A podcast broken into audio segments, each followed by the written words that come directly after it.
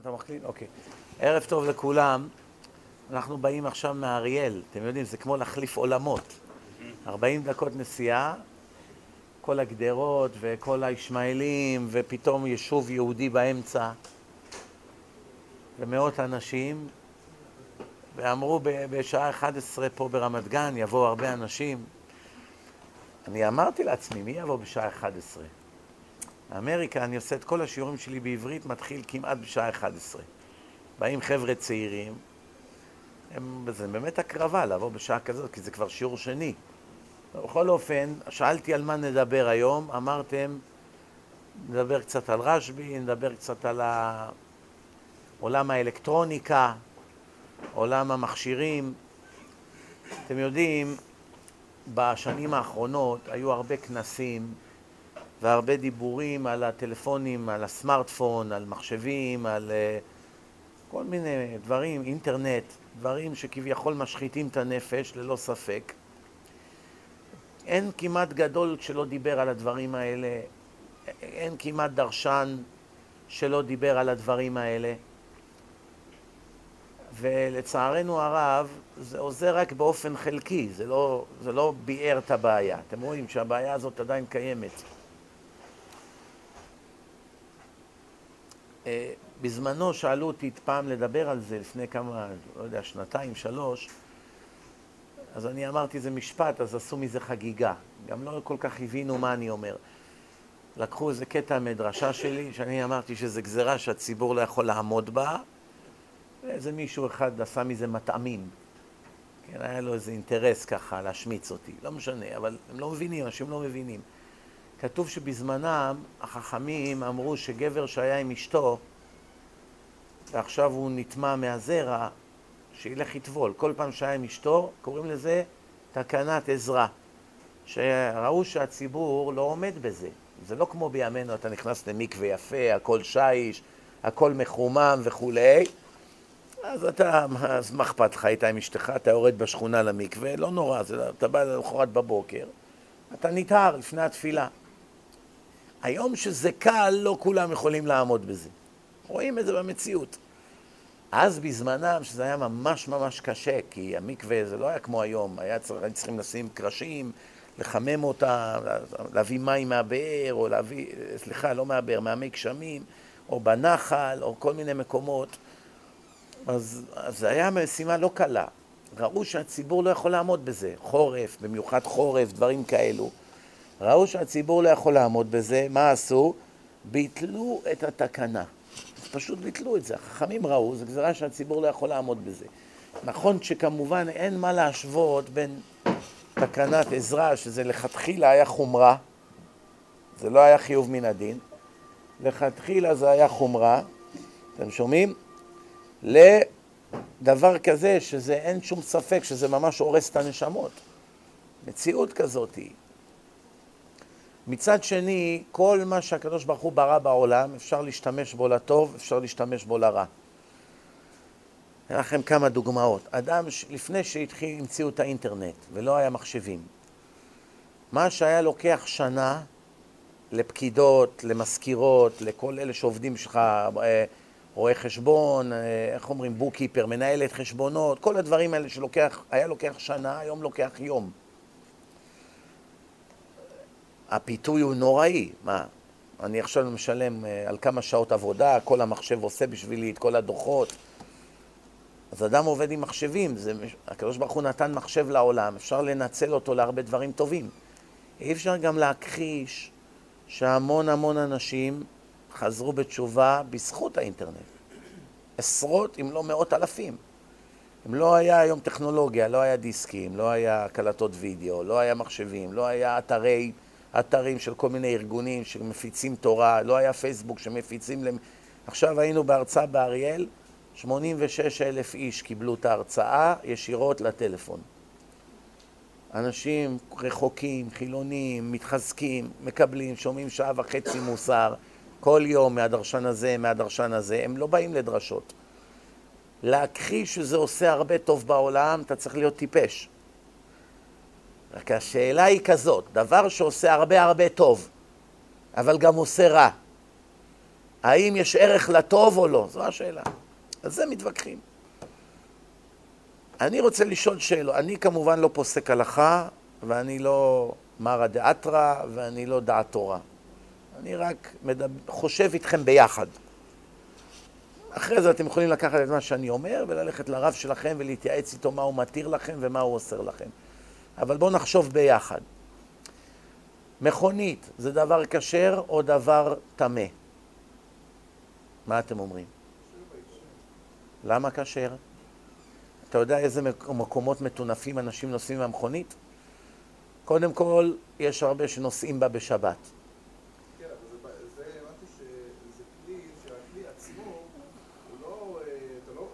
זה כלי שמלאכתו להיתר, משתמשים בו לאיסור. הכלי מיסודו, הוא, הוא, הוא אמור לשמש להיתר. מיליונים של אנשים משתמשים בו לאיסור. הולכים לקולנוע, הולכים למסיבות לא כשרות, נוסעים בשבת, נוסעים לחוף הים. סליחה? הבחירה שלך, נכון? זאת אומרת, הטלפון עצמו הוא לא טמא. הטלפון יהיה כשר, אה, אה, סליחה, לא הטלפון, האוטו הוא לא טמא. הטלפון יהיה כשר או טמא לפי בחירתו של האדם. אוקיי. ללכת ברחוב, זה היתר או איסור? תלוי לאן אתה הולך. אם אתה הולך למקומות שאסור להיכנס שם, פריצות נוראית, אה, עבודה זרה, מה לא, יצא שללכת ברחוב זה אסור. אם הלכת במאה שערים, במקומות של תורה, קדושה, מקומות של ישיבות וכולי, או אפילו מקום שהוא פסטורלי עם נוף יפה ואתה מתפעל מהבריאה, אין בזה שום דבר טמא, נכון או לא? יוצא מציאות שכמעט ואין דבר אחד בעולם שהקדוש ברוך הוא ברא אותו והוא רע. יש דברים טובים שהשם ברא ואנשים עושים בזה דברים רעים. אקדח זה דבר טוב או דבר רע? אקדח מציל חיים. אם לא היה אקדחים, לא היו יכולים ללמוד בהרבה ישיבות פה בארץ. שמים מאבטחים שם, משמר הגבול, רובים, אקדחים, הם מפטרלים בהתנחלויות, איפה שהייתי עכשיו. הכל גדרות, הכל פטרולים, הכל אה, צבא, מחסומים. אם לא היה אקדחים, אי אפשר היה להגן על אלפי יהודים שלומדים תורה. נמצא שבזכות האקדחים יש לימוד תורה. מצד שני, אנשים לוקחים אקדחים ורוצחים אחד את השני. אז מה נגיד, שאקדח זה דבר שלילי? לא דו דווקא, תלוי מה עשית בו ומי הבן אדם, כן? ספרים זה דבר חיובי או דבר שלילי? תלוי מה מודפס בפנים. דברי תורה ומוסר והלכה, נהיה הספר דבר טוב. דברי כפירה ופריצות וכולי, הספר נהיה דבר רע. האם אפשר להגיד שספרים זה דבר רע? האם אפשר להגיד שסרטי וידאו זה דבר רע? תלוי מה יש בפנים. הסרט הראשון שעשינו, אינפורמציה אלוקית, עשה מהפכה בכל העולם. זה פתח את עולם התשובה. אנשים רואים היום סרטים, חוזרים בתשובה. האם נגיד שסרטי וידאו זה דבר שלילי בגלל שיש כל כך הרבה סרטים נוראים ומתועבים? הוידאו עצמו רע? לא. מה ישימו בסרט? זה תלוי כבר בבן אדם. אם הבן אדם מושחת, ישים דבר רע, אם הבן אדם צדיק, ישים דבר טוב. קלטות לשמיעה, דיסקים, זה דבר רע? אתם יודעים כמה אלפים לומדים תורה רק בזכות הדיסקים? לא היה דיסקים, הם דקה לא היו לומדים תורה בשנה. זה מה שמציל להם את החיים. אני יכול, אני יכול להראות לכם 30 אלף אימיילים של אנשים שחזרו בתשובה בזכות הדיסקים שחילקנו פה. בואו נגיד שהיינו סוברים שדיסקים זה דבר שלילי, בגלל שיש גם כל מיני DVDים, סרטים בהוליווד, וזה דברים נוראים, נכון? אז אם היינו סוברים שדיסקים זה דבר רע, לעולם לא היו מחלקים כאן דיסקים, לא הרב זמיר ולא הרב פנגר ולא עוד מאות רבנים אחרים שברוך השם עשו פה מהפכה בארץ, ולא אחרים, וממילא אולי היום היה פחות מאה אלף בעלי תשובה בעולם, אם לא יותר. יבואו המתנגדים ויגידו, בסדר, להתווכח שדיסקים החזירו בתשובה, אני לא יכול להתווכח, זה מציאות, יש הרבה עדויות. מצד שני, הדיסקים גם השחיתו הרבה נשמות. אלה כנגד אלה ברא השם. זאת אומרת, הוויכוח הזה לעולם לא ייגמר, כי זה לא ויכוח שהתחיל מהיום. זה לא ויכוח שהתחיל מהיום. מאז ומעולם, כל דבר שהשם יצר בעולם, אפשר היה לעשות בו טוב, ואפשר היה לעשות בו רע. מה יעשו בו זה בחירתו של האדם. אבל יש בזה כמה סייגים. יש דברים שהניסיון הוא קשה מדי. קשה לעמוד בו. למשל, הדור הזה מוצף בסמים. מיליוני אנשים נפלו בסמים מגיל 14, 15, 16. רואים שילד שבא במגע עם מקום שמוכרים שם סמים, במיוחד שהוא ילד, הסיכוי שהוא יתנגד לזה הוא קלוש מאוד. השפעת הסביבה, הסביבה המקולקלת, אם אתה הולך למקום ששם יש סמים, סביר להניח לצערנו הרב שהילדים שלך יפלו בזה, גם אם אתה ראש ישיבה. יש מאות כאלה שיגידו לכם את אותו דבר. אפשר לעמוד בזה? הסמים האלה, אפשר לעמוד בזה? מציאות בשטח, כל הילדים שהידרדרו להרואין, קוקאין ולסמים הקשים האלה, או שהם מתים, או שהחיים שלהם נהרסים. מאסר, שחרור, מאסר, ערבות, שחרור, מאסר, ערבות, עוד פעם, עד שהם מתים. או שעד שמקבלים מאסר ארוך ונגמר להם החיים. אפשר לעמוד בזה, מי שכבר נגע בזה, בדרך כלל אבוד. הנה לך דוגמה, דבר שאי אפשר לעמוד בו. רוב הציבור נכשל בו. טלפונים חכמים, סמארטפון, מה שנקרא בימינו, יש בזה וידאו, יש בזה אינטרנט, יש בזה הכל, כמו מחשב. נערים שמקבלים את זה, יכולים לעמוד בפיתויים שיש שם? יכולים לעמוד בזה שהם יכולים להכניס כל מילה שבעולם ולראות את כל התועבה שבעולם ברגע? מי שזה מגיע לידו, בדרך כלל זה כבר חיסל לו את הנשמה. תוך זמן קצר מאוד הבן אדם מדרדר, אם הוא היה תלמיד ישיבה, אם הוא היה רציני, ברגע שהגיע המכשיר הזה לידו והוא, והוא נחשף למה שיש בעולם הזה, כיוון שיש כל כך הרבה אנשים רעים ומתועבים וחסרי צניעות וכל מיני דברים נוראים, והכל נהיה נגיש, היום בכמה לחיצות כפתור אתה ברגע מאבד את הנשמה של הילד. מצד שני, אתה גם יכול בתוך יום-יומיים להעיר את החילוני המסכן ולהחזיר אותו בתשובה תוך יום-יומיים. זאת אומרת, מידי קושייה לא יצאנו. לא מזמן עשו בניו יורק כנס 80 אלף איש. כל האיצטדיון היה שחור. כובעים שחורים, כיפות. היית רואה, צילמו את זה מהליקופטר. פעם ראשונה שכל האיצטדיון בקהל היה נראה שחור. בדרך כלל זה כל מיני צבעים, אדום, צהוב, כל מיני צבעים. הפועל מלמעלה זה הכל היה נראה שחור. כל האצטדיון, ממש כאילו צבעו אותו בשחור. 80 אלף חרדים בניו יורק. הביאו את הרבנים הכי חשובים, דרשו, דיברו. יש כמה בעיות. בעיה אחת, כמעט ולא השתנה שום דבר. שבוע, שבועיים זה עשה רעש וצלצולים וכתבות בעיתון, והעולם כמנהגו נוהג, לפחות בחוץ לארץ. דבר נוסף, דיברתי עם כמה אנשים, אמרתי להם, היית בכנס, נו, מה יצא לך מהכנס הזה? אתה עדיין עם כזה טלפון. מה ענו לי? אלה שדיברו בטלפונים, הם בעצמם יש להם אתר אינטרנט. הם בעצמם מפרסמים בעיתון משמרת צניעות, שלח לנו באתר כך וכך הודעה.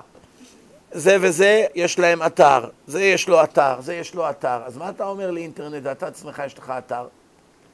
נאה דורש להם כן, אתה בא להגיד לי לא לעשן סיגריות ואתה מחזיק סיגריה ביד, אז זה קשה מאוד לשכנע, לשכנע אנשים. גם אם לא היה להם, ההשפעה של הדרשה יכולה לעבוד כמה ימים, והבן אדם חשוף לזה בכל פינה. כל בן אדם שני, כולם מכורים לזה. אתה יושב ברכבת, אין אדם כמעט שבלי זה. במטוס, עד שממריאים, כולם עם זה. בדרכים, כל מקום שאתה רואה, כל בן אדם שאתה מסתכל עליו היום, זהו עם הדבר הזה.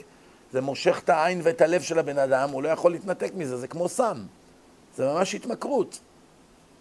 אז זה טוב או רע? אז אני אומר ככה, כמו כל רע שיש בעולם, צריכים להכין את הילדים מגיל קטן איך להתמודד עם זה. למשל, יש לך ילדים, אתה מגדל אותם בבני ברק. בני ברק זה עיר חרדית. האם אפשר להגיד שבקיץ אין פריצות בבני ברק? לא מסתובבות כאן בחורות חילוניות? ודאי שכן. מסתובבות כאן חילוניות ברחובות. יש כאן הרבה חרדיות שהן לא מתלשות צנוע, פאות ארוכות עד לרצפה, בגדים צמודים, בגדים חשופים, כל מיני דברים שהם נגד ההלכה. הילד החרדי שהולך לתלמוד תורה, הולך הביתה כמה רחובות, הוא נחשף להרבה חוסר צניעות. לפי הגמרא אסור ללכת ברחוב. הגמרא אומרת, אדם יש לו שני דרכים, דרך אחת קצרה, מלאה בבחורות, דרך אחת ארוכה, ללא שום בחורות. הוא צריך לעשות תיקוף.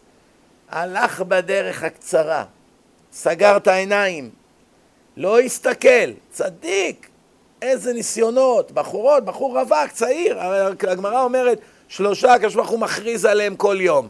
אחד זה רווק הדר בעיר ואינו חוטא, לא במקום נידח, אם הוא גר בהרים בצפת, עם הכבשה והחליל, והוא לא רואה אף אישה, אז בטח שהוא לא יעשה עבירות, מה, את מי, אין שם את מי לראות. אם הוא גר ב... אני יודע, מקום במרכז עיר, עיר סואנת, מיליונים של בחורות הולכות ברחוב ושומר על העיניים הרמטית, ודאי שהשם מכריז עליו צדיק יסוד עולם.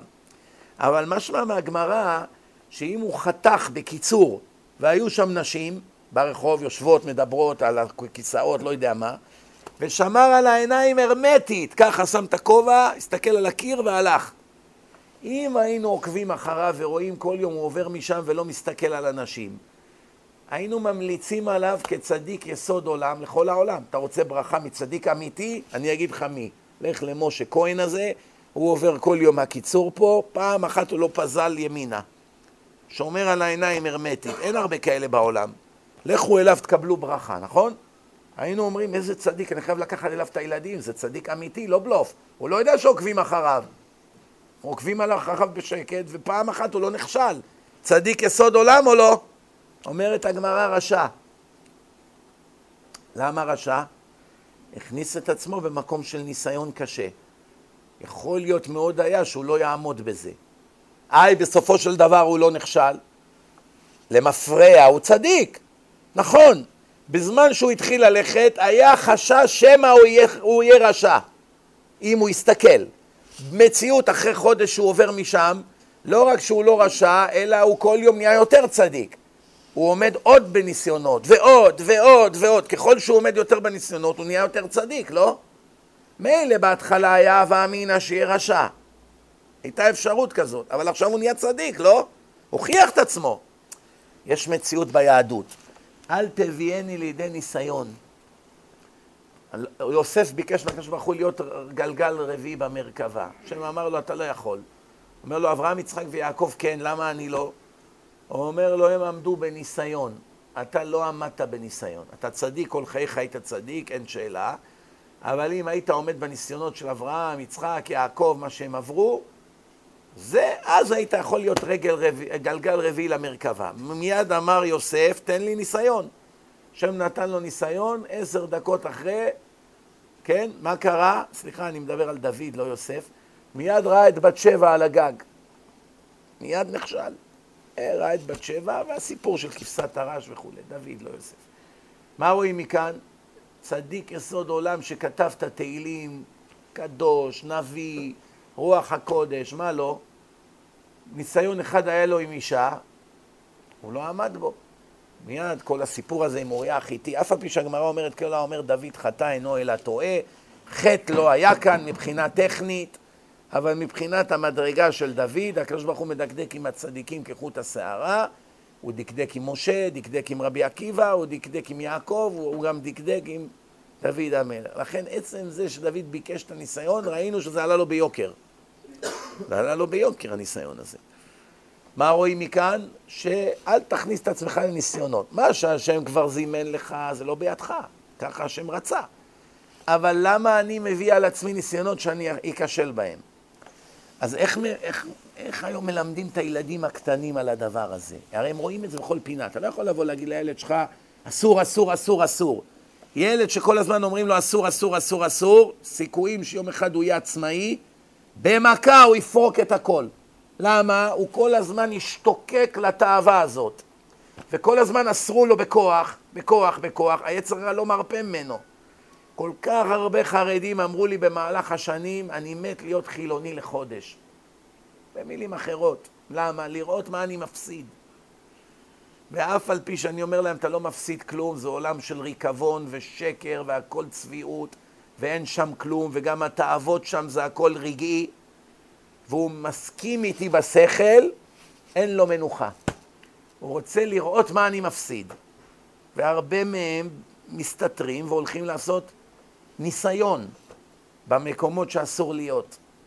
וכבר תפסו כאלה אנשים, בחורי ישיבות וכאלו. למה? לראות מה זה הרשעות הזאת שכל כך הרבנים מדברים נגד. דרך אגב, יש חוק בפסיכולוגיה שיש רבנים שאפילו שהם תלמידי חכמים, הם לא מבינים אותו.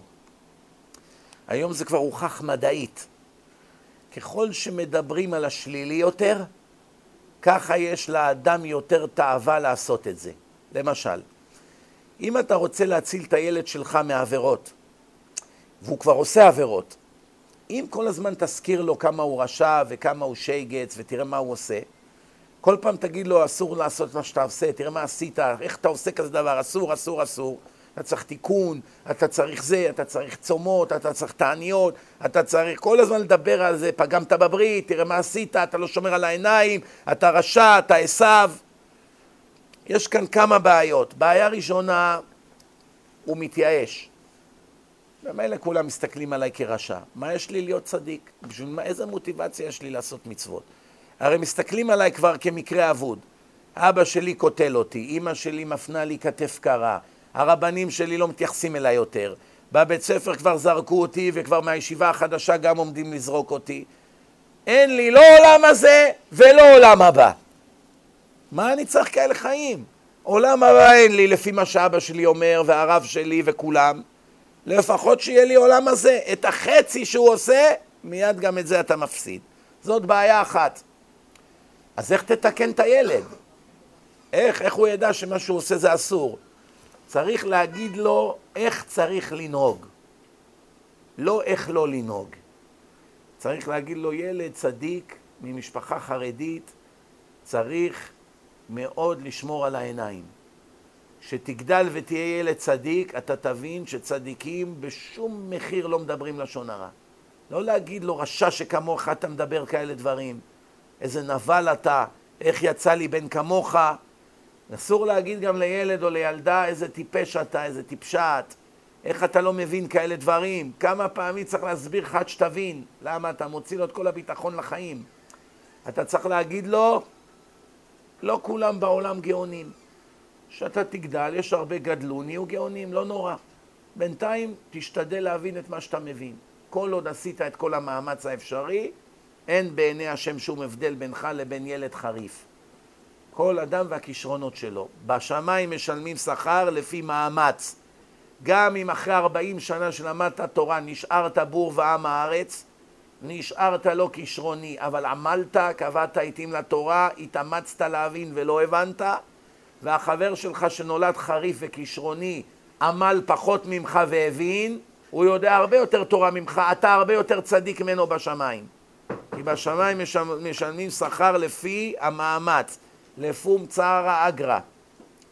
אבל הכי הכי חשוב, בואו אני אספר לכם קטע קטן בפסיכולוגיה. לפני זמן רב היה פסיכולוג יהודי בשם זיגמונד פרויד, שמעתם עליו? כל הפסיכולוגיה שמלמדים היום בעולם היא מבוססת על כתביו, אבל זה לא היה כל כך פשוט.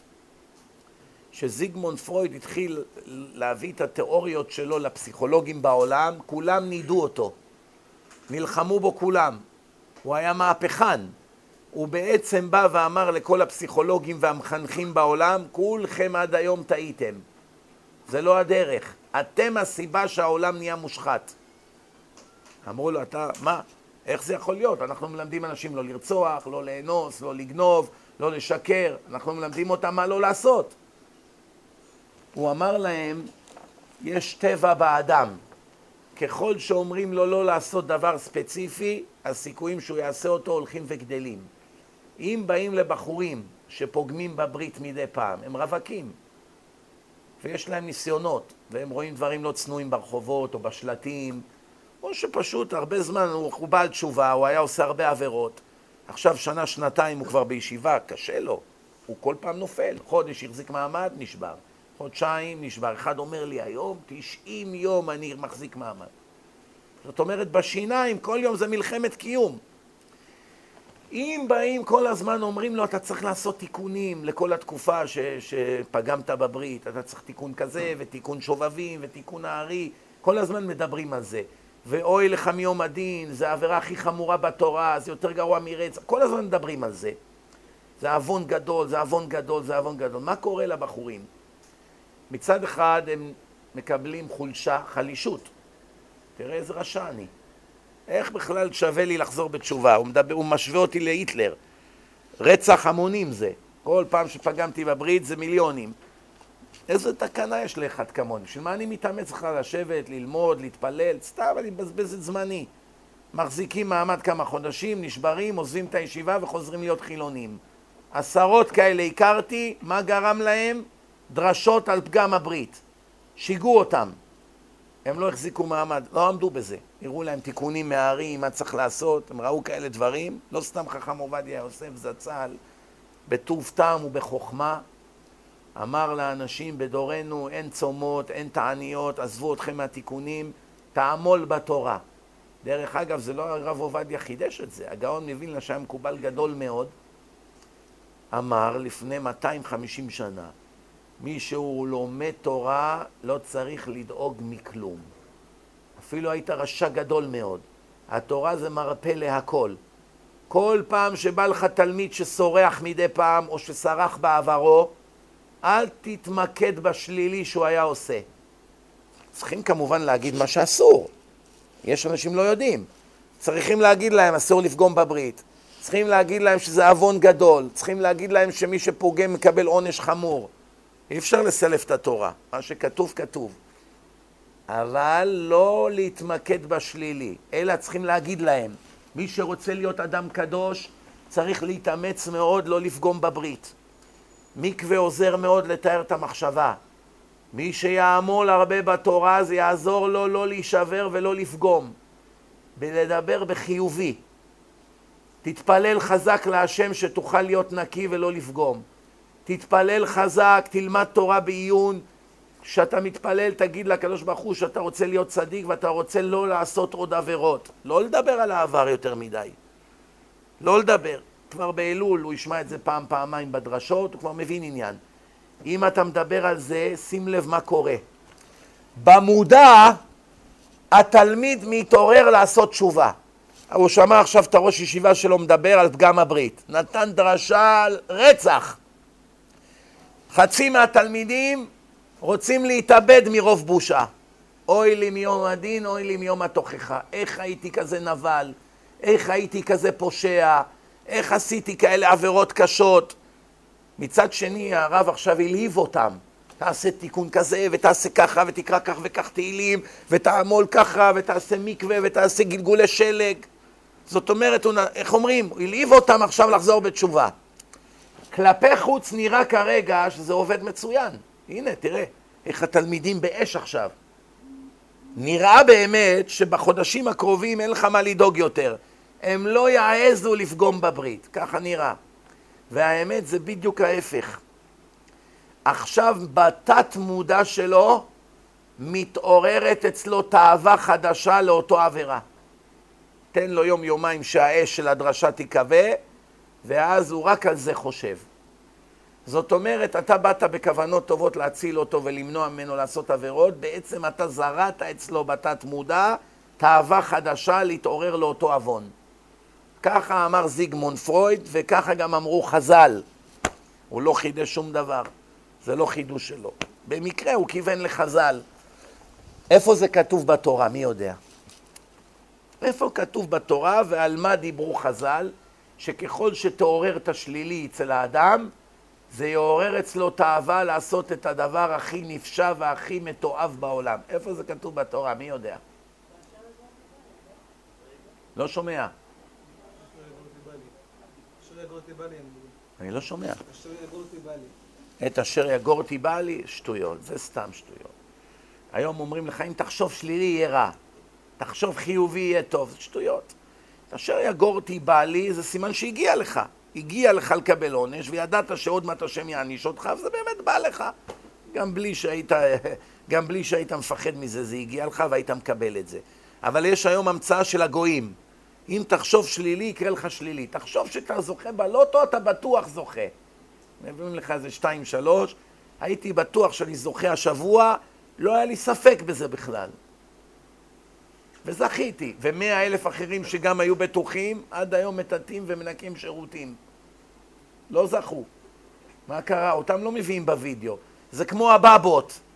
הבבות בארץ ובעולם עשו קריירה של מיליארדים.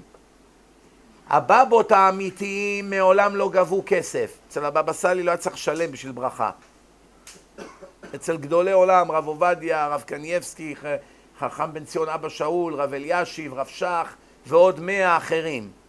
היו צריכים אי פעם לתת כסף בשביל ברכה או עצה? אוי לנו מהבושה, אוי לנו מהכלימה. מעולם לא שמעתי שגדול בתורה אמיתי מבקש כסף מאנשים בשביל פגישה. רק המזויפים מבקשים כסף. אתה יכול להגיד, כבוד הרב, מה מגיע לך? אני לא גובה, אני לא, זה לא פקיד בבנק פה, כן? זה לא, אני לא עורך דין. יש לנו ישיבה, תעזור לישיבה ככל יכולתך, בלי תנאים. אם יעזור התפילות, תהיה, אל תהיה כפוי טובה, תעזור לישיבה.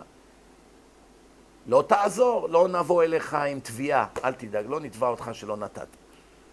איך אומרים? הכל פתוח. בסדר, זה הגיוני, הוא עושה קצת השתדלות, הוא צריך להביא כסף לישיבה שלו. תשים לך כזו קערה ענקית וגבאי, שמע שלוחת, נו, נו, שים משהו, שים.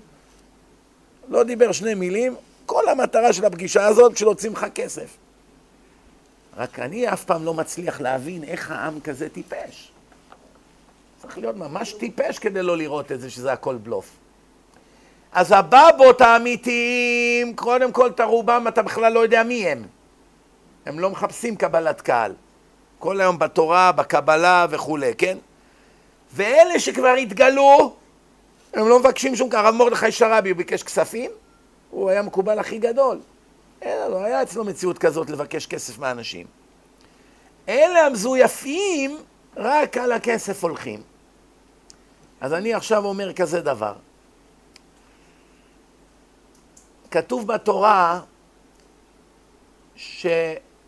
שיש עבודה זרה שנקראת בעל פאור. מחילה מכבודכם, זה דבר מאוד מאוד מגעיל. מה זה שיא הטירוף? הגויים עושים את הצרכים שלהם ומביאים את זה לאליל שלהם. אני לא צריך לספר לכם איזה ריח נורא יש באותו מקום, כן? אתה, אתה מכיר בן אדם שרוצה עכשיו לאכול את הסנדוויץ' שלו בארוחת צהריים בתוך השירותים? אתם מכירים מישהו כזה? עכשיו הוא בשדה תעופה, הוא מוציא את הסנדוויץ' שאשתו ארזה לו לטיסה. בטרמינל אין ריח רע, יש אדרבה, כל מיני ריחות של מאכלים וכולי, בסדר, סביר. הוא אומר, אומר לו החבר שלו, מה אתה עושה? הוא אומר, אני הולך בתוך השירותים. למה? אני רוצה לאכול את הסנדוויץ' על האסלה שם בפנים. מיד הוא יגיד, זה החבר הזה הוא חולה נפש, אני איתו לא מתעסק יותר, נכון? אם ככה תסבירו לי איך הגויים בזמנם, בזמן יציאת מצרים, היה להם כזו עבודה זרה. היו עושים את הצרכים ומביאים את זה מתנה לאליל שלהם. מאיפה זה התחיל השטות הזאת? נראה לכם שיהודי ששמע את קולו של בורא עולם ב... ביציאת מצרים, אחרי יציאת מצרים, אני השם אלוקיכם אשר הוצאתי אתכם מארץ ישראל, נראה לכם שיהודי ירצה לעשות צרכים וללכת לאליל של הגוי ולעמוד שם עם כל האנשים החולי נפש האלה שם ולהביא את הצואה שלו מחילה מכבודכם ויגיד גם אני רוצה להיות חלק מהחגיגה, נראה לכם שיש כזה דבר? אז אם לא, למה הקדוש ברוך הוא היה צריך להזהיר אותנו בתורה להיזהר מהעבודה זרה הזאת של בעל פאור? עגל זה משהו אחר. עגל זה לא מגעיל. זה לא מסריח, זה לא מר, זה סתם מסיבה, שמים לך עגל, הוא מדבר, עושה כל מיני כשפים, מתחילים לשיר, איך אומרים? אומן אומן ראש השנה, כולם שרים ומבסוטים, בדרך לאוקראינה, שומעים? אבל אי אפשר להשוות בין עגל או כל מיני כישופים שהיו עושים בזמנם, כל מיני מכשפים למיניהם, לבין כזה דבר מתועב שאפילו להסתכל עליו מגעיל, גועל נפש. אומר הרב הופמן, שלמה הופמן, הוא היה רב גדול מאוד, נפטר לפני שלוש שנים. כל גדולי ישראל האשכנזים פה לא היו זזים מילימטר בלי העצות שלו, כי הוא היה מומחה לרפואת הנפש. גם חרדי, גם תלמיד חכם, גם למד אצל כל גדולי הדור, אצל הגדולי הדור הכי גדולים שהיו, וגם היה מומחה לפסיכולוגיה, ופה בארץ אסירים לא היו משתחררים לפני שנפגשים איתו לקבל חוות דעת, אם, אם מגיע להם להשתחרר על התנהגות טובה או לא. עד כדי כך. ולא רק זה גם, יש חוק פה במדינת ישראל בזכותו. הוא הוכיח לשופטים שהם טועים, הם שינו את החוק. פעם אחת הוא בא לבית משפט, והוא אמר לשופט, האסיר הזה שמודה באשמה הוא חף מפשע. הוא מודה שהוא שדד את המקום. ייתנו לו כמה שנים מאסר. אומר הרב הופמן לשופט, שופט חילוני פה בבית המשפט בתל אביב, אומר לו, אני אומר לך שהאסיר הוא חף מפשע. השופט עד אז לא שמע כזה דבר, שיכול להיות אדם לגמרי חף מפשע, והוא מעליל על עצמו עלילה שישב שבע שנים במאסר. הוא לא שמע עוד כזה דבר, השופט. אומר לו, איזה מטומטם יעליל על עצמו דבר שיושיב אותו שנים במאסר. אני שואל אתכם, בואו נשמע מה אתם אומרים. איזה אדם מסוגל להעליל על עצמו עלילה שהוא יקבל עונש נורא, כגון מוות, או מאסר, או מכות? איזה אדם יעשה כזה דבר? כגון?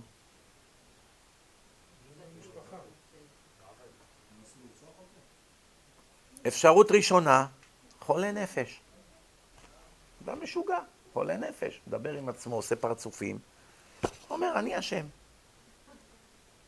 כן, שותה. זו אפשרות ראשונה.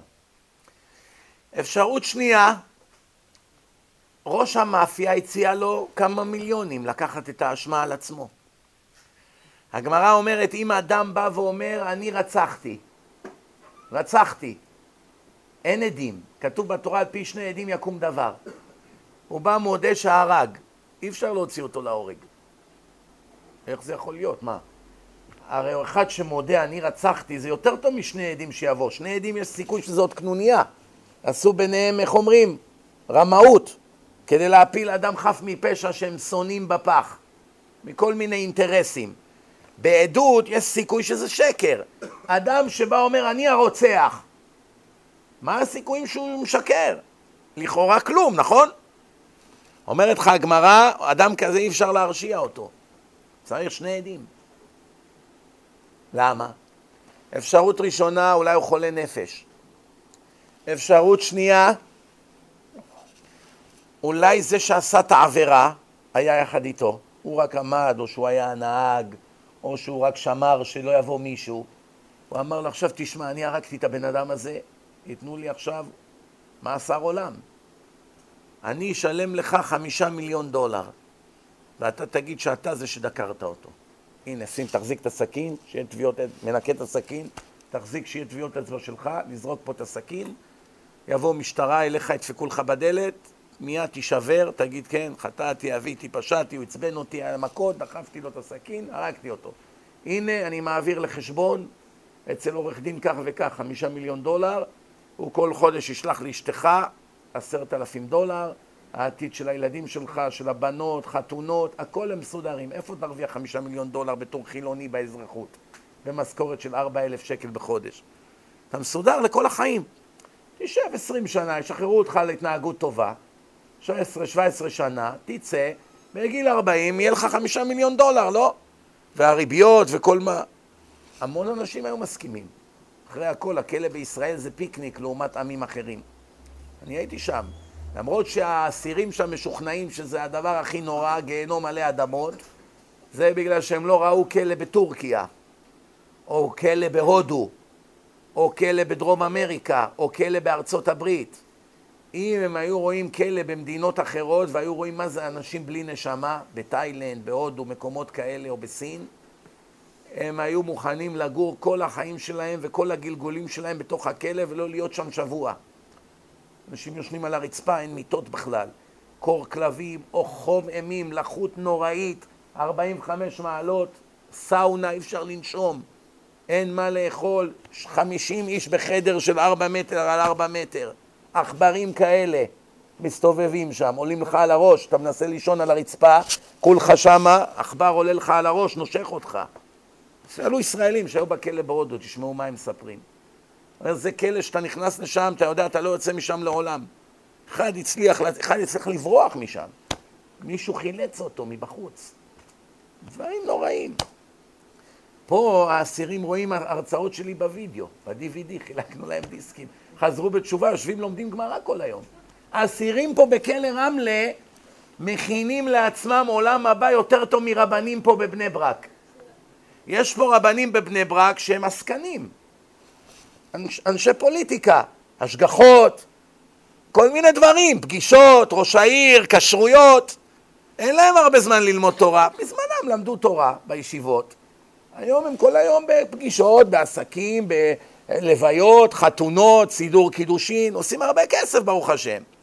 אבל תורה אין להם זמן ללמוד, בקושי שעה בבוקר, זהו. כבר עשר שנים הוא עסקן. מה, אם הוא תלמיד חכם, זה יפה מאוד, הוא, הוא בילדותו למד, נהיה רב, אבל היום אין לו זמן ללמוד. ככה 40-50 שנה, כל היום עסוק בפוליטיקה, בתככים, בכל מיני דברים. אני כבר לא מדבר אם הוא עושה עבירות וגנבות וכל שאר הדברים וחילול השם. אני מדבר בהנחה והוא אדם כשר. ביטול תורה ודאי יש, תורה הוא בקושי לומד. לעומת זאת, אחד, אחד שהיה רוצח, בואו ניקח דוגמא את יגאל עמיר, נכון?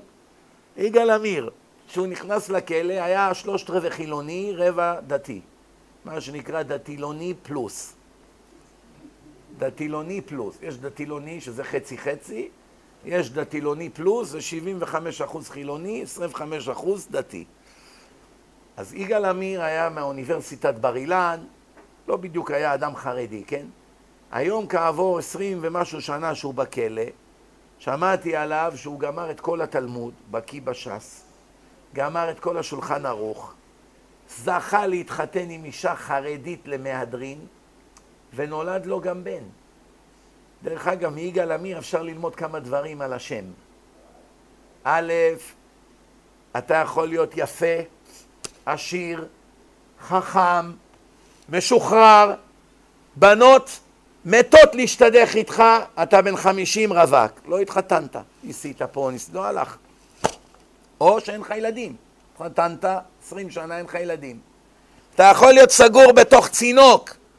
יגאל עמיר בחדר מבודד משאר האסירים, הוא לא משחק איתם שחמט, קלפים, הוא מבודד, כמו אולמרט, אולמרט מבודד, הייתי בכלא, אמרתי, תביא את אולמרט לדרשה, אומר לי, השתגעת?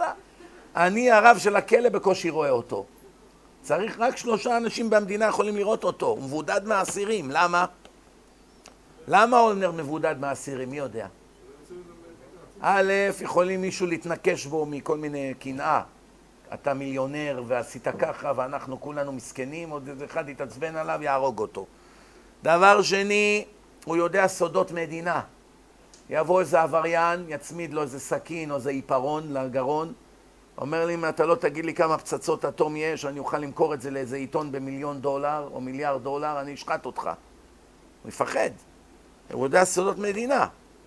זה מסוכן מאוד. ברגע של איזה איומים יבוא איזה אחד, או איזה ערבי שם בכלא, או מה, יצמיד לו איזה זה, זה מסוכן מאוד, כן? לא חייב ערבי, זה יכול להיות גם יהודי בוגד, שבשביל כסף, בשביל סמים, ימכור את אימא שלו, וכל שכן את סודות מדינה, אה, סודות האטום.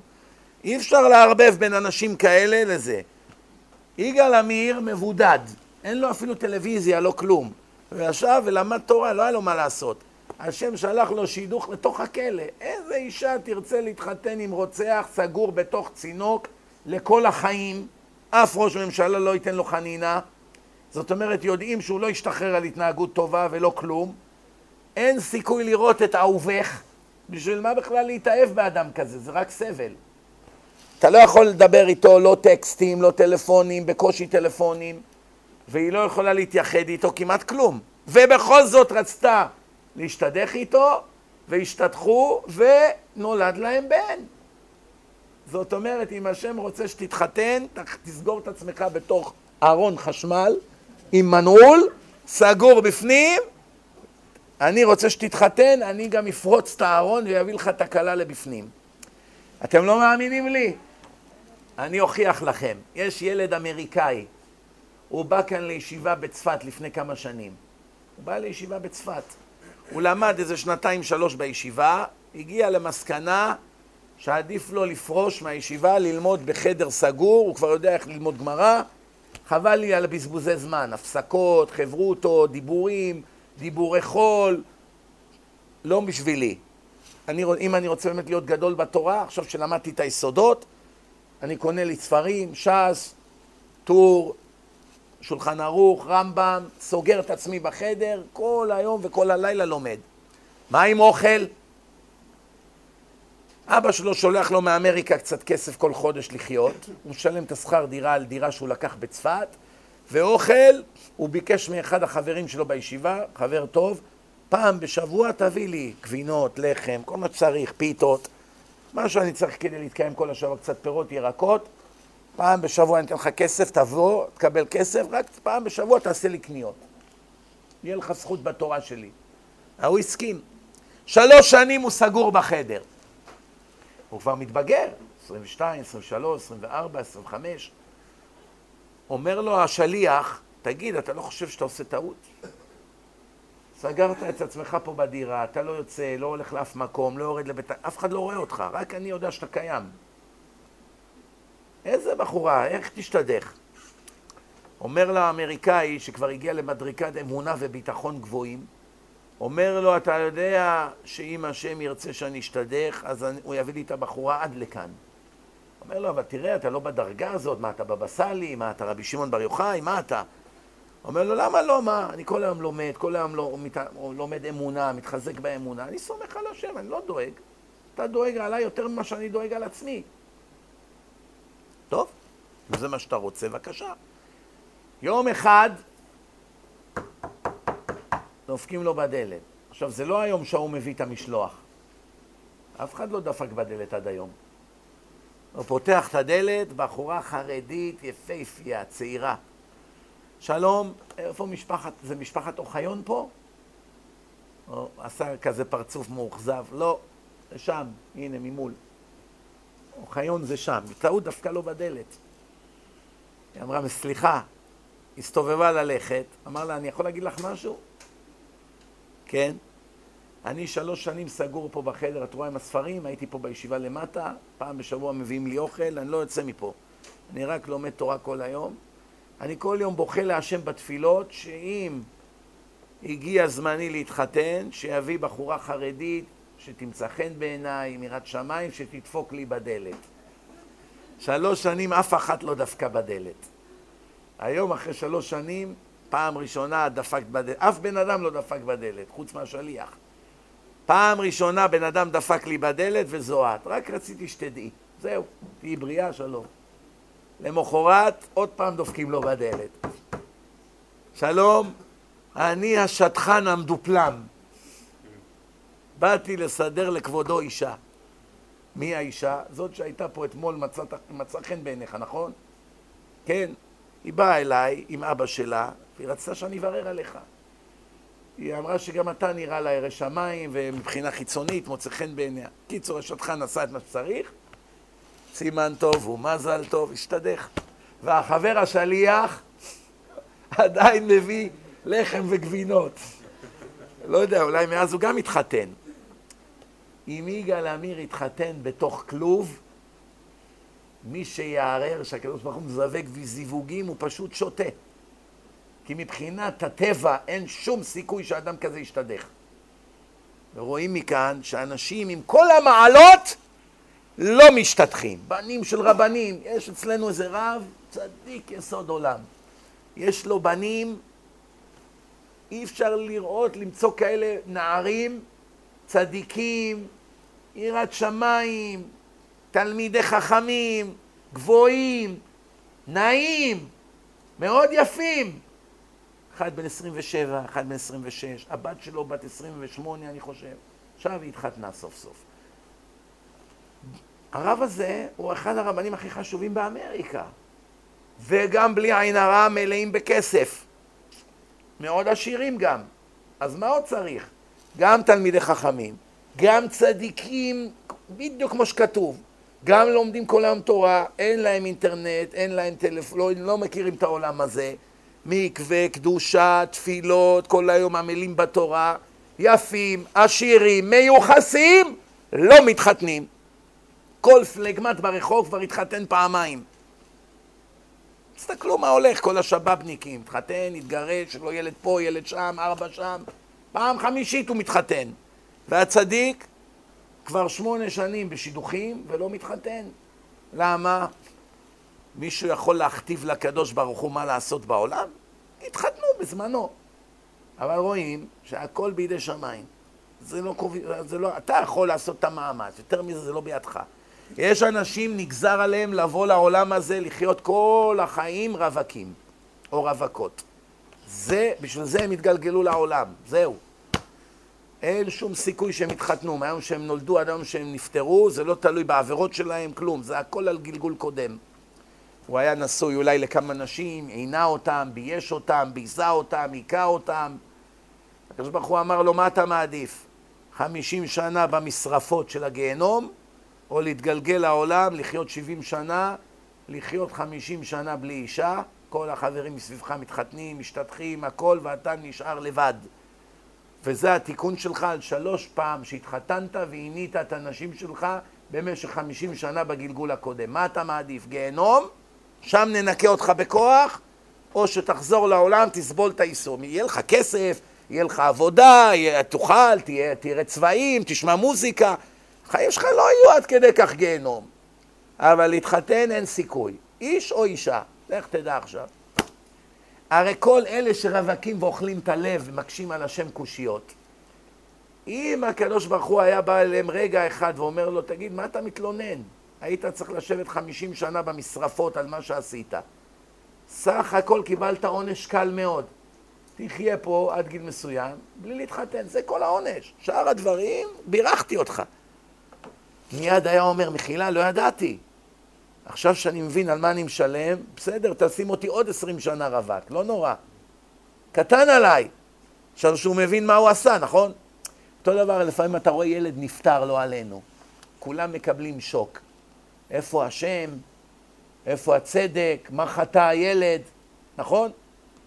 אין אחד שלא נחלש שרואה ילד מת, ילד נדרס. הדתיים בשכונה לא מקבלים חלישות באמונה? חוץ ממי שממש תלמיד חכם ויודע איך הכל עובד, כל הדתיים הרגילים בשכונה מקשים על השם קושיות. חסר חרדים ששואלים איפה השם היה בשואה?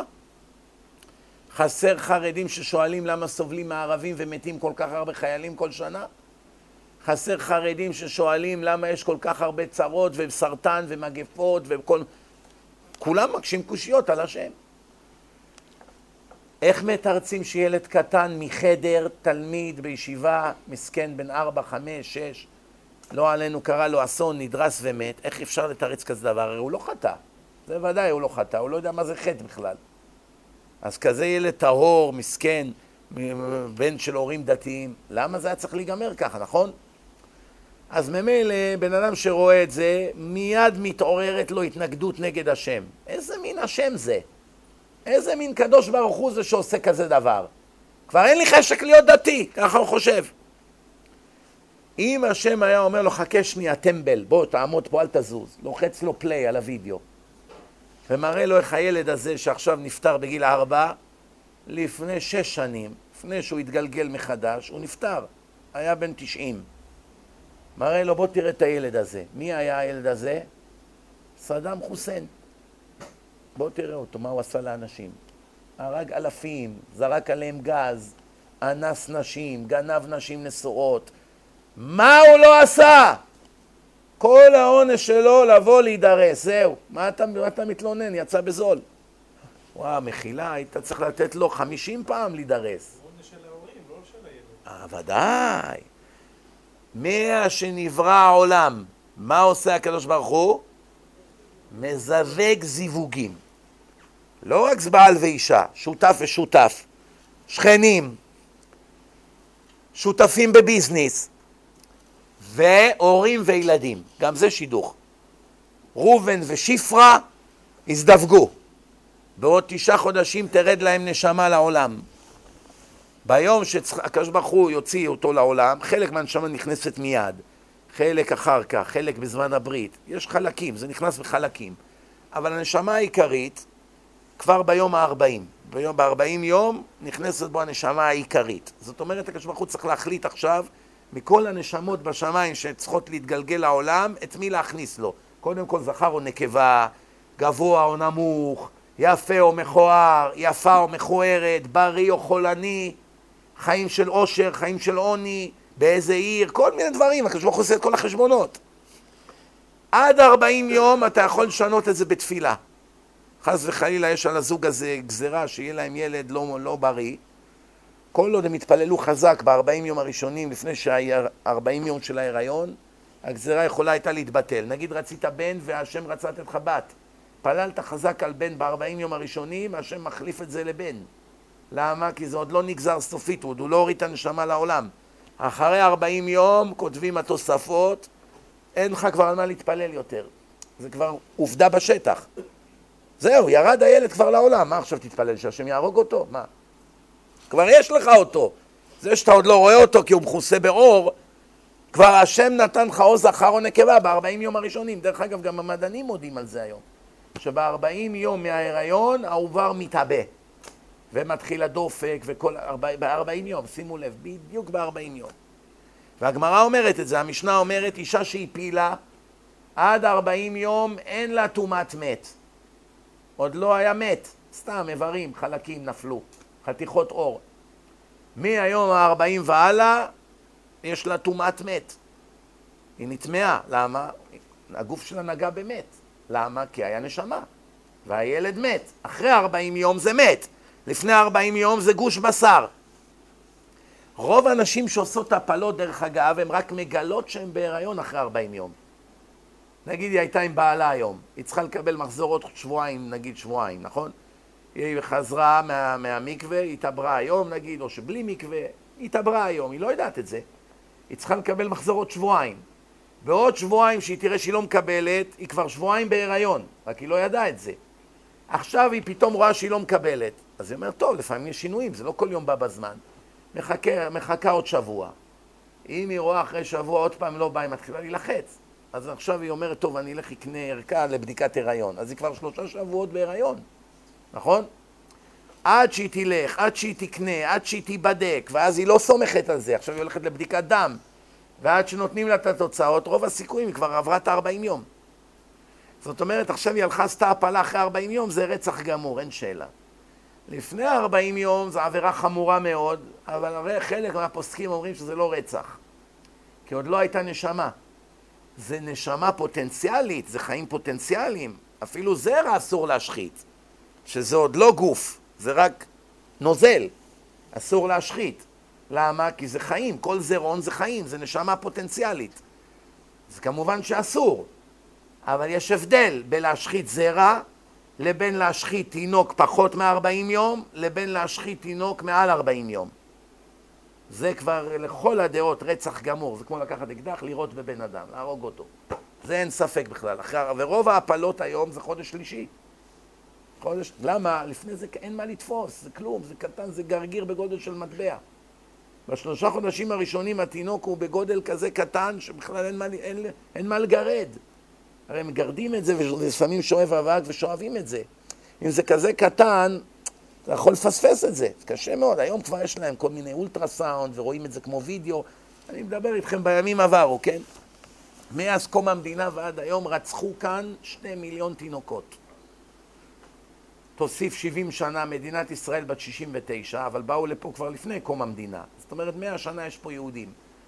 ועושים פה הפלות כבר המון המון זמן. במעבד...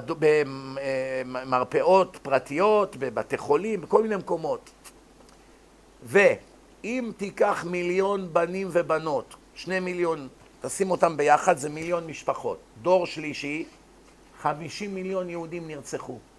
פה, בארץ ישראל. בוכים על הערבים שהרגו פה אחד, פה ארבע, פה חמש.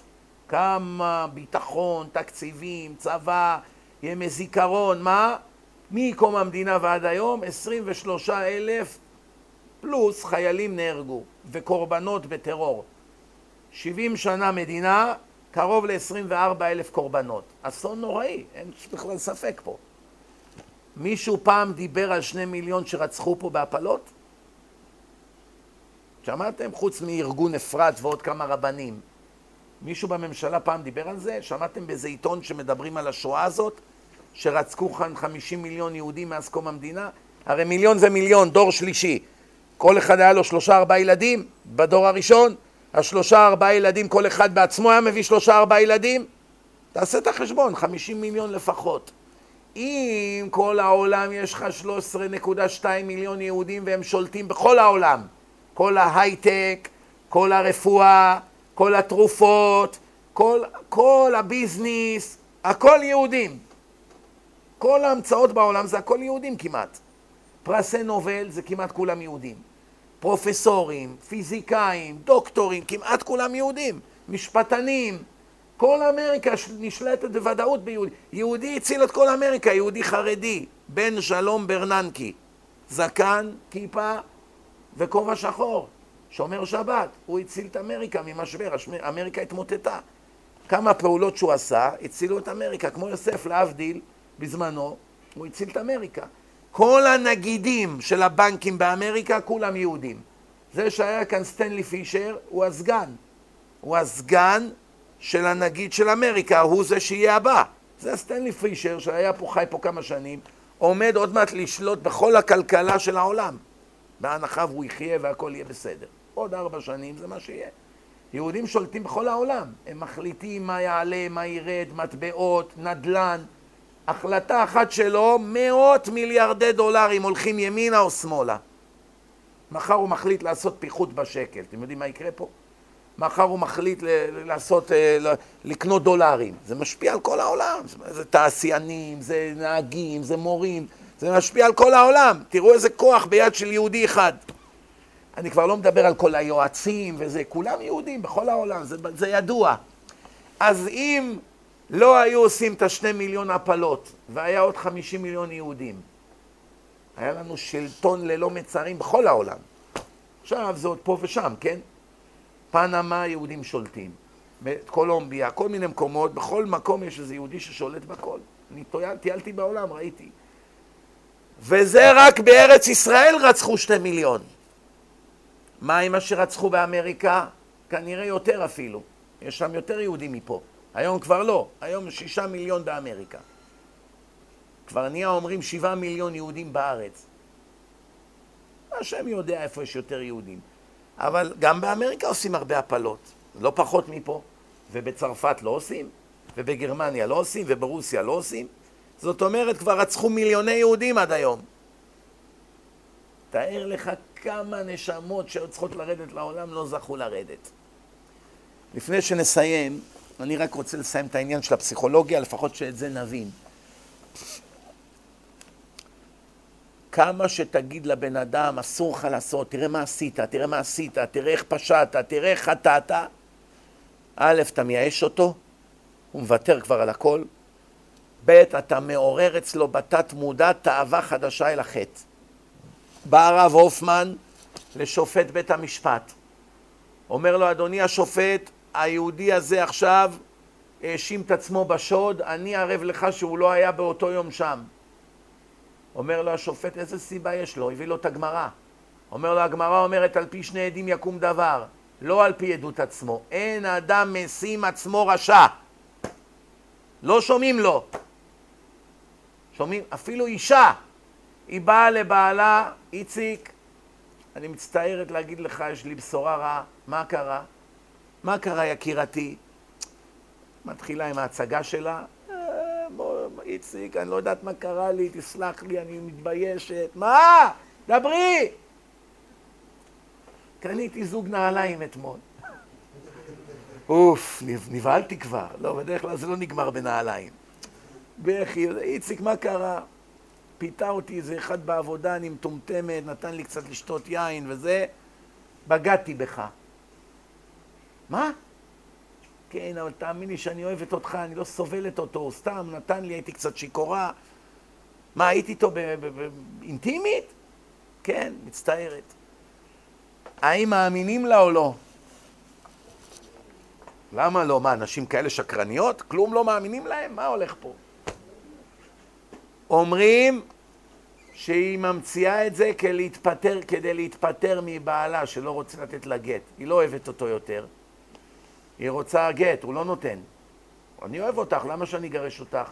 את אימא טובה, מבשלת, מכבסת, מביאה מים מהבאר, ואז בזמנם גם לפעמים היו עליהם כמה נשים. אז היה לו כבר איזו אישה צעירה יפה, והיא אחלה משרתת בשבילו, למה שייתן לה גט? מטפלת בילדים. מבשלת, מביאה לו הכנסה, תופרת. שערי פה עד גיל 200. תן לי גט, אין לי חיים. אתה לא אוהב אותי, אתה לא זה, אתה אוהב את הצעירה יותר ממני. לא, עזבי, מה פתאום, אוהב גם אותך. הנה, הכנתי לך קפה. נכון או לא? היא לא רוצה לתת לה גט. מה עושה זאת? מישהו נתן לה עצה, טיפשה. תבואי, תלכי לאיזה מקום, תסתתרי שם. כמובן, אל תתני לאף אחד לגעת בך, את חרדית, מה, את רוצה ללכת לגיהנום? אין סוף, אשת איש זה גיהנום אה, בלי סוף. רק תגידי שזה מה שקרה. את אסורה על בעלך. אומר אני לא מאמין לך, שקרנית. כבוד הרב, אל תאמינו לה, היא משוגעת. היא רוצה להתפטר ממני, אז היא ממציאה לי את הדבר הזה, כי אני לא נותן לה גט. הבנתם? לכן היא לא נאמנת. אבל זה עניין אחר, סטינו. בואו נישאר על האדם שאומר, אני השודד, אני הרוצח. א', חולה נפש. שלושת רבעי עולם היום חולה נפש. מי יותר מי פחות. בן אדם שהוא גאוותן הוא חולה נפש. שיגעון גדלות חולה נפש. קריזיונר חולה נפש. יש המון סוגי מחלה זה יותר נכון שזה הפרעות נפשיות. ויש גם כאלה שהם ממש חולי נפש, סקיזופרניה, מניה, דיפרסיה, חוסר כימיקלים במוח, פיצול אישיות, כל מיני בעיות. אומר הרב הופמן לשופט בבית המשפט בתל אביב, אם תשלח עם הפושטק הזה עכשיו את השוטרים למקום השוד, אני מתערב איתך שהוא אפילו לא ידע מאיפה השודד נכנס, באיזה דלת, באיזה חלון, כלום. הוא לא מכיר את המקום, הוא לא היה שם מעולם. השופט החילוני מאוד הסתקרן, וכיבדו אותו מאוד, את רב שלמה הופמן, כי הוא היה גאון עצום, הוא היה פסיכולוג ענק. אמר השופט לשוטרים, מאוד מעניין אותי לראות אם הופמן צודק. קחו את השודד לשם, תצלמו את שחזור הפשע. הגיעו עם השודד למקום המקום של הפשע, אומרים לו, תגיד, מאיפה נכנסת? מאיזה חלון פה? מאיזה צד של הבניין? אומר, הנה, מפה. בוא הנה, מנוול. איזה מפה, משם השודד נכנס. שברת...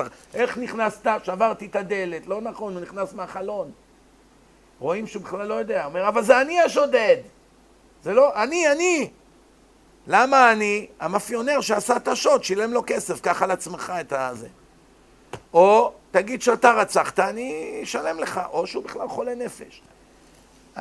מאז יצא חוק פה במדינה, כל פשע המשטרה משחזרת. עד היום. זה בזכות הופמן, תזכרו. היו צריכים לקרוא לזה חוק שלמה הופמן.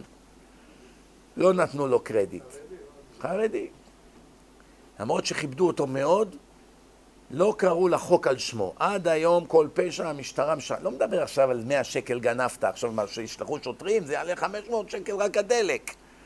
לא על כל דבר קטן, על שודים, על אונס, על רצח, תשחזר את הפשע. למה? מה צריך לשחזר? אני כבר הודיתי, מה? גמרנו, אתם הולכים להכניס אותי למאסר עולם.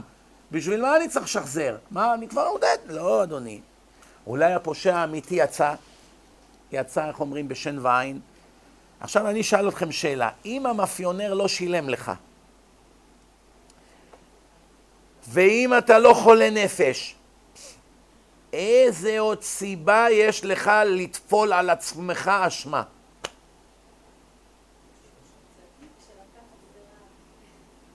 את לא טועה, את 80 אחוז צודקת, נו. טוב מאוד. שמעתם מה היא אמרה? בין שניהם זו התשובה המדויקת. יש לו רגשות אשם. על מה? הוא לא שדד, הוא לא רצח, אני עושה כל כך הרבה עבירות נגד הקדוש ברוך הוא כל חיי, סוף סוף זה הגיע לי הזמן שאני אשלם את זה. זה בא לו מהתת מודע, הוא לא מרגיש את זה בכלל. אני חייב לש... להענש, לא יכול להיות שאני אמשיך ככה לעשות עבירות והשם עוזב עוד. אני... מתוך התת מודע, במודע אף אחד לא רוצה להענש. מתוך התת מודע יש לו רגשות אשמה כל כך חריפים, שהוא אומר לשופט, למה אתה מקל עליי בדין? מגיע לי, תן לי מה שמגיע לי. אבל אני אגיד לכם דבר מעניין, יש איזה מרוקאי אחד, הגיע עם עליית נוער ממרוקו לארץ הקודש. ההורים שלו עדיין גרו, גרו במרוקו. בגיל צעיר הוא הידרדר פה לפשע, אין לו הורים, אין לו אבא, אין לו אימא, הוא היה באיזה פנימייה, אין מי שישגיח עליו, הידרדר לפשע, התחיל לשדוד. פורץ לדירות, למכוניות. תופסים אותו, מאסר, משתחרר, מאסר, משתחרר. הוא כבר שנים בתי סוהר, יוצא, מיד נכנס. יום אחד צריכים ועדה לקבוע אם מגיע לו להשתחרר על התנהגות טובה. למי מביאים אותו? לרב הופמן. שואל אותו הרב הופמן, תגיד לי, אני אשאל אותך שאלה. אם אני אמליץ לשופט לשחרר אותך על התנהגות טובה, אתה לא תעשה לי בושות? הרי בעבר אתה חזרת לבית סוהר, ועוד פעם חזרת, ועוד פעם חזרת. מה, גור... מה מונע עכשיו שלא תחזור שוב?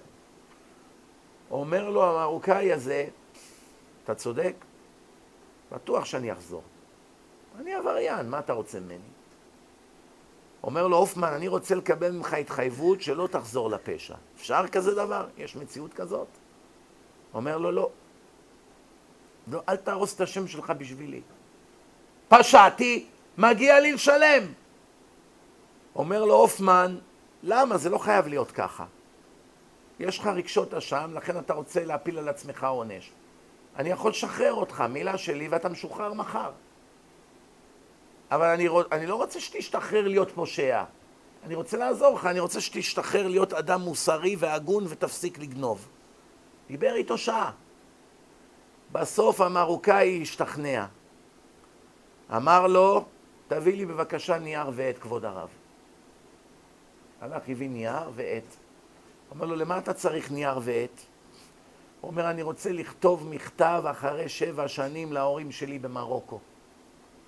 שבע שנים הם שולחים לי מכתבים, לא עניתי לאף מכתב. אומר לו הרב הופמן, למה?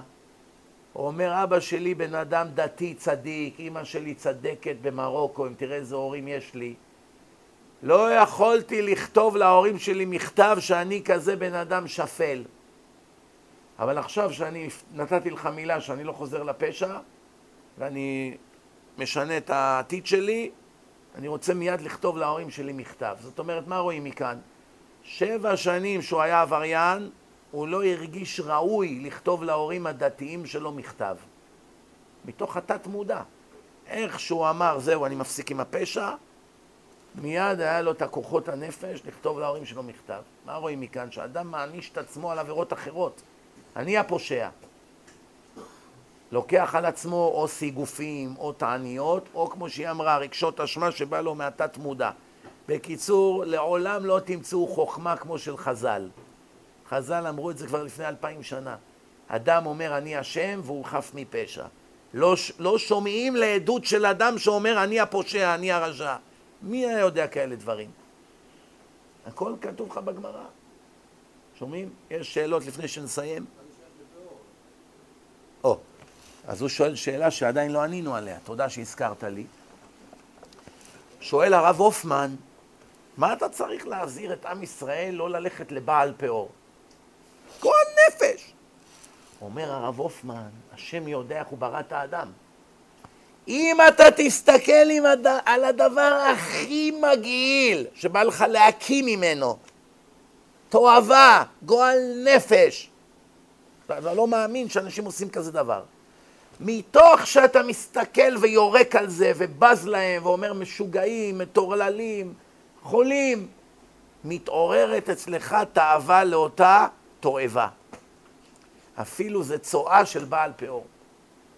לכן הקדוש ברוך הוא אמר, תיזהר לא להסתכל עליהם. מה, מה אכפת לך? אדרבה, טוב שאני אסתכל על הטיפשים האלה. מביאים צואה לאליל, אני אראה את זה, אני אגאל מהם, אני לא ארצה להיות כמותם. נכון או לא? תן לי להסתכל על הבעל פאור ועל המטומטמים האלה שם, ואני כל כך אגאל מהם, שאם יבוא מי שיציע לי אפילו כסף, אני לא אלך. זה במודע. זה ברור. במודע אתה תיגאל, בטח שתיגאל. בתת מודע יש כוחות שמתעוררים, פתאום אתה לא שולט בעצמך. איך עשיתי כזה דבר? אני לא מאמין. מרוב שהזהירו אותך ואמרו לך תיזהר, תיזהר, והסתכלת ונגעלת, דרך אגב, זיגמונד פרויד בא לכל הפסיכולוגים, אמר להם, אתם מביאים פשע על העולם, אתם לא מונים פשע. אמרו לו, מה אתה מדבר? אנחנו מדברים נגד פשע, נגד אונס, נגד רצח. אמר להם, ככל שאתם תגידו לאנשים שאסור, אסור, אסור את זה, ואסור לרצוח, וכל הזמן תזכירו את הרע, מתעוררת אצלם תאווה לאותן עבירות. אל תגידו אסור לרצוח, אסור. צריך להיות אדם צדיק. צריך להאריך חיי אדם. אל תגידו, תראו, ההוא רצח, תיזהר לא תרצח כמו ההוא. למה? זה מעורר אצלו תאווה לרצח. דרך אגב, שימו לב בדור הזה, מאז שהמציאו את הטלוויזיה, עוד לפני האינטרנט, הביאו פה לארץ טלוויזיה שחור לבן לפני 40 שנה בערך, כשאני הייתי ילד. כשהייתי ילד לא היה טלוויזיות. לא היה טלוויזיות פה. אחר כך הביאו טלוויזיה שחור לבן. למי נתנו את זה? למשפחות שכולות. אנשים שמתו להם, לא היה על זה מס, נתנו להם הנחות. טלוויזיה שחור לבן, בקושי היה ערוץ אחד, זהו. וגם לא שידרו כל היום. קצת בערב נתנו תוכניות, קצת לילדים בבוקר, זהו, שחור לבן. אחר כך, אחרי כמה שנים, יצאה טלוויזיה צבעונית, ענקית, כזה גודל, כמו של מקרר כמעט. אני זוכר, הדוד שלי, עליו השלום, היה נכה צה"ל, נתנו, לנכה צה"ל לא היה מיסים, לא על מכוניות ולא על טלוויזיות. טלוויזיה היית צריך משכנתה לקנות. היה עולה אלפי דולרים, טלו... וידאו, וידאו קטן היה עולה אלפיים דולר. וידאו באמריקה עולה עשרים דולר היום. עשרים דולר עם דיסקים, DVD, עשרים דולר. אתה בא לוולמארט, עשר, חמש עשרה, עשרים, שתים עשרה, מה זה וידאו בכלל? אז תגיד פה בארץ יעלה מאה דולר. זה לא, לא היה לזה ערך בכלל. אלפיים, שלושת אלפים דולר וידאו, אקאי, כזה ענק. קלטות כאלה גדולות, הוא היה קונה, אף אחד לא היה לו כסף לקנות את זה. פעם בשבוע היינו הולכים לדוד שלי לראות דאלאס, טלוויזיה צבעונית, איזה התרגשות. אחר כך התחילו משחקים של מכבי בצבעוני, ימי חמישי, אני מדבר איתכם לפני 40 שנה. הביאו את אולסי פרי ועוד כמה שחורים מאפריקה, שמו אותם בקבוצה, כל המדינה התקבצו בבתים של הטלוויזיות. אחר כך התחילו קוג'אק, הוואי 5-0, כל מיני סדרות פשע. זה לא היה כמו היום. בקושי היית שומע ירייה, כל, כל התוכנית של הפשע שעה, בקושי שמעת ירייה, לא מראים שבאמת הרגו. לאט לאט הם הפכו ליותר נועזים, יותר ערוצים, יותר איכות. כל שנייה בן אדם רואה רציחות, פדופילים, קניבלים, אונס, קללות, דריסות, ברוטליות, כורתים ראשים. תוך דור אחד חצי מהעולם נהיה מפלצות. פדופילים, אנסים, רוצחים, אלימים, עבריינים, סוחרי סמים, נרקומנים. תראו את הנזק של הטלוויזיה לאנושות. מיליארדים של דולרים מפסידים כל יום בעולם רק מהפשע שנוצר מהסדרות טלוויזיה האלה. למה? מראים לך בטלוויזיה שהמשטרה תופסת את הרוצח. תמיד זה נגמר ככה. באו הפסיכולוגים, אמרו, אדרבה, זה טוב, זה מראים לך שסוף גנב לתלייה. הנה. תמיד בסוף תופסים את הגנב. אין כזו סדרה שבסוף הרוצח יצא חופשי. תמיד הבלש תופס בסוף את הרוצח. אז מה, למה זה רע? אמר להם הרב הופמן בדיוק הפוך. הצופה מזדהה עם הפושע. הוא מורד במוסכמות. הוא מצפצף על המשטרה. הוא, תראה איזה גבר. מי הם הגיבורים של הנוער היום? המאפיונרים שמראים בטלוויזיה.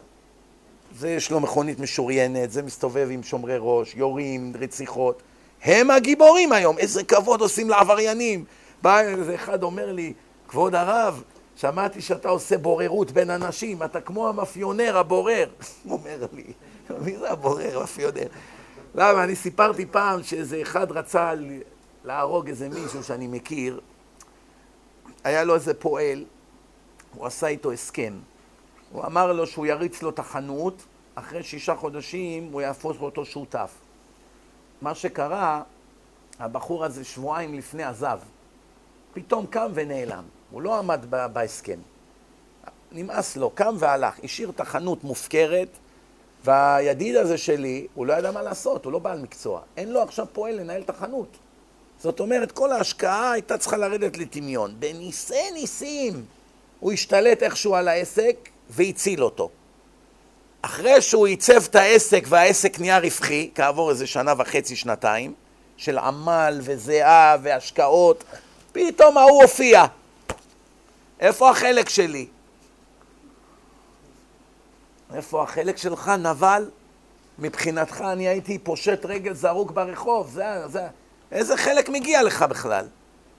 עשית שלושת רבעי העבודה, עזבת אותי באמצע, למות. אתה לא משלם לי, אני שולח לך מאפיונרים, עבריינים. אתה יודע, הוא לא לקח אותו ברצינות. הלך לישראלי אחד, ראש המאפיה בניו יורק. מאפיונר, אין לו נשמה לבן אדם הזה. רוצח, שפל, מה לא. אפילו רוצח כזה, בתוך תוכו, עם כל הרוע שלו, יש נקודה טובה, תכף תראו. הוא בא לרוצח הזה, שמשתלט על עסקים, מנשל את הבעלי משם באיומים, נדקר, ירו בו, מה לא. שולט במאפיה שם. אפילו האיטלקים רועדים ממנו. המאפיה הרוסית רועדים ממנו, כולם יודעים, איתו לא מתעסקים. אין לו, אין לו דין, אין לו דיין. הוא מתקשר לידיד הזה שלי, הוא אומר לו, תשמע, אם אתה לא תשלם לו 200 אלף דולר, כל הביזנס לא על ה-200 אלף דולר. אני מתחיל בלשרוף לך את האוטו. אחר כך אני עובר לאישה ולילדים, אחר כך אני מגיע אליך. יש לך שבוע ימים לתת לו 200 אלף דולר. ההוא נלחץ, מתקשר אליי. אל תשאל איזה צרה נפלתי. אמרתי לו, מי זה הבן אדם? אמר לי את השם. נס משמיים, שלושה ימים קודם, הלכתי לאיזה מסעדה מוכרת בניו יורק, ושם בעל המסעדה הוא אחד שעשיתי אצלו בבית הרצאה. הוא ואשתו התחילו להתחזק, הם בעלי המסעדה. אחרי הדרשה שנתתי אצלם בבית, הם סיפרו לי שהמאפיונר הזה השתלט להם על חצי מהעסק. למה? הם ביקשו ממנו עזרה לקבל את העסק בהתחלה, הם לא ידעו שזה יעלה להם ביוקר. אין, אל תדאג, אני אשיג לך את העסק, מהבעל הבית של הבניין. השיג להם את העסק, נתן להם להקים את העסק, אחר כך מה אם אני שותף? השתלט להם על העסק. הם אוהדים, אמרתי לו, תשמע, אני מתקשר לבחור, אתה זוכר שסיפרת לי שהמאפיונר הזה הוא שותף שלך בעסק? תעשה לי איתו מהר פגישה. אומר לי, נראה לך שהוא מתייחס אליי בכלל? הוא בא לפה פעם בחודש, לוקח את הכסף שלו והולך, הוא לא... אמרתי לו, תגיד לו שזה הרב רוצה להתפגש איתו, זה מקרה חירום, מה יש להפסיד? מזל שהבן אדם הזה הוא ממוצא ספרדי מזרחי, שהוא עדיין קצת מכבד רבנים, למרות שהוא מאפיונר גדול. אומר לו, אם הרב ביקש, תגיד לו בסדר, שיבוא לרחוב כך וכך, כתובת כך וכך, ירד למטה מתחת לאדמה, יש לי שם מקום, שם אני אפגש איתו. אמרתי לבחור, הולכים לבוררות אצל המאפיונר, גדול הדור. אני מגיע לשם באיזה מקום בברוקלין, ליד המים, שכונה שקטה שם כזאת, בתים פרטיים. אני רואה בחוץ שלוש רולס רויסים, בנטלי. אני רואה כל מיני ישראלים מאפיונרים עם נשק, עומדים שם בחוץ, מדברים. וואי וואי וואי, רק שלא עושים לנו פה איזה תרגיל. יוריד אותי תחת ההדרה, יוריד אותי שאול תחתית. אמרתי, כתוב שלוחי מצווה אינם ניזוקים, אני בא לעשות שלום, שלא ירצחו יהודים, מסכן, יש לו משפחה, ילדים. נכנסתי פנימה, אמרתי לבחור שיבוא, הוא קרא להוא גם שיבוא, פתאום נהיה פגישה. מדברים, מספרים, אני אומר, הוא אומר, המאפיונר, ממש עשה כבוד. בסוף, המאפיונר אומר, אתם יודעים מה? מה שאני אמרתי עד עכשיו, תשכחו מזה. אני מוכן, מה שהרב יגיד זה מה שנעשה. עכשיו, אני, אם אני אגיד שלא ייתן לו כלום, הוא יהרגו אותו ואותי. לפחות בואו נעשה שלושת רבעי צדק. אמרתי, אני חושב שזה מכובד שייתן לו 70 אלף דולר ב-12 תשלומים. חלק את זה לשנה. או 60 אלף דולר במכה, מה שהוא רוצה. מה אתה רוצה, אומר? אומר, 70 אלף בתשלומים. אמרתי לו, תשמע, אני מציע לך ציפור אחת ביד עדיף משניים על העץ. קח את השישים ותגמור עניין. אמר לי, למה? למה להפסיד עשר אלף? אני אקח את זה בתשלומים. הוא עד היום בוכה על זה. שומעים? אמר, אמר, אמר, אמר, ככה הרב אמר, ככה יהיה. בסוף עובר איזו תקופה, פתאום אני מקבל טלפון. מי זה? הרוצח. כבוד הרב, יש לי מחר משפט, תתפלל עליי. אמרתי, בלב שלי, אני צריך להתפלל שהשם יסגור אותך בתוך כלוב 700 שנה. מה אני אגיד לו, אני אתפלל שתיכנס 20 שנה בפנים? תוך דקה יפוצץ לי את האוטו. אז אני דיברתי איתו במעורפל, השם יעזור, השם יעזור. בקיצור, הוא קיבל איזה מאסר קצר, יצא. טוב. יום אחד אני הולך לתת דרשות באיזה מקום, באים ישראלים, 11 בלילה, האישה מבשלת שם. אני אומר לה, מה, עולה לך הרבה כסף להביא אוכל מהמסעדה. מאיזה מסעדה את מביאה? את החומוס, את הפיתות, את השוארמה? אומרת לי, ממסעדה כך וכך. אני אומר לה, מה? והם לוקחים ממך כסף? למה שלא ייתנו לך מה שנשאר בסוף הלילה? הרי הם סוגרים במילא בשעות האלה. כל מה שנשאר, שייתנו לך בחינם. דיברתי עם המנהל, איזה אכזר הוא, לא מסכים. משלמים מחיר מלא, אפילו לא הנחה. סוף הלילה, זורקים את זה לפח מחר. שומעים? אמרתי, אני אדבר עם הבעל הבית. ידעתי, זה המאפיונר, השתלט על המסעדה. הרמתי לו טלפון, אמרתי לו, איזה מין יהודי אתה? באים בחורים מהרחובות, זרוקים ברחובות פה, לוקחים סמים, זרוקים פה עם גויות. אנחנו מביאים אותם, מחזירים אותם בתשובה, האישה הזאת עומדת יום ולילה, מחממת להם, מאכילה אותם, מכניסים אותם לישיבות. לפחות תעשה איזה מצווה בחיים שלך, תעזור קצת ליהודים אבודים, מה יש, מה אכפת לך את השאריות לתת לה? הוא אומר, בטח! אמרתי לו, אז למה המנהל שלך ממרר לאישה הזאת את החיים? מה? תגיד לו מהר עכשיו שיטלפן לי. קיצור, גם לאנשים כאלה יש איזו נקודה של ניצוץ יהודי. שומעים? זה הסיפור. איך הגענו לזה בכלל, הסיפור? נשאיר את זה בצריך עיון. ברוך אדוני לעולם, אמן ואמן. מי שרוצה...